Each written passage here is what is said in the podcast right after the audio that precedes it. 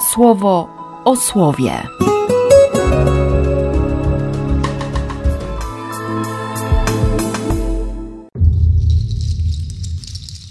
Dwudziesty siódmy kwietnia, wtorek. Z dziejów apostolskich. Tymczasem ci, którzy rozproszyli się z powodu prześladowania, jakie miało miejsce w związku ze Szczepanem, dotarli do Fenicji i na Cypr i do Antiochii, lecz słowo przekazywali tylko Żydom. Niektórzy z nich byli Cypryjczykami i Cyrenejczykami. Ci po przybyciu do Antiochii przemawiali także do Hellenistów, głosząc im Ewangelię o Panu Jezusie. I ręka Pana była z nimi. Wielka liczba, uwierzywszy, nawróciła się do Pana. Wiadomość o nich dotarła do kościoła w Jeruzalem. Wysłali więc Barnabę, by poszedł do Antiochii. Gdy przybył i zobaczył tę łaskę Boga, ucieszył się i zachęcał wszystkich, by z oddaniem serca trwali przy Panu. Był to bowiem człowiek dobry, pełen Ducha Świętego i wiary. I przystała do Pana wielka liczba. Wybrał się też do Tarsu, by odszukać Szawła. Gdy znalazł, wziął z sobą do Antiochii. I tak obaj przez cały rok spotykali się na zgromadzeniach kościoła i uczyli bardzo wielu. W Antiochii po raz pierwszy nazwano uczniów chrześcijanami. Z Ewangelii według świętego Jana. Przypadało wtedy w Jerozolimie święto odnowienia świątyni. Była pora zimowa. Jezus przechadzał się na terenie świątyni w krużganku Salomona. Otoczyli go wówczas Judejczycy i pytali go: Jak długo jeszcze będziesz trzymał nas w niepewności? Jeśli to ty jesteś Mesjaszem, to powiedz nam otwarcie. Jezus im odpowiedział: Już wam powiedziałem, a nie wierzycie. Za mną świadczą czyny spełniane przeze mnie w imieniu mojego Ojca. Wy jednak nie wierzycie, bo nie jesteście z mojej owczarni. Moje owce słuchają mojego głosu i ja je znam one idą za mną, a ja im daję życie wieczne. Nie zginą na wieki i nikt nie zabierze ich spod mojej ręki.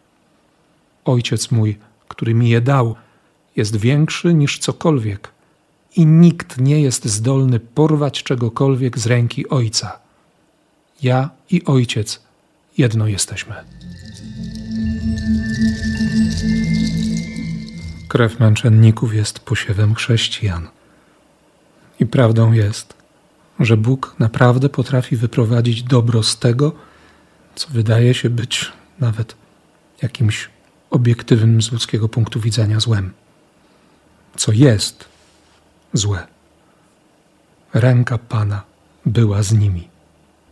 I to, że Kościół reaguje, że Kościół tych, którzy uwierzyli i nawrócili się do Pana, nie zostawił samych jeden człowiek, syn pociechy, człowiek dobry, pełen Ducha Świętego i pełen wiary. Hm. I jeszcze wziął sobie na głowę sprawę Szawła. I cieszę się z tego, że to słowo dzisiaj jest dla mnie wyrzutem sumienia.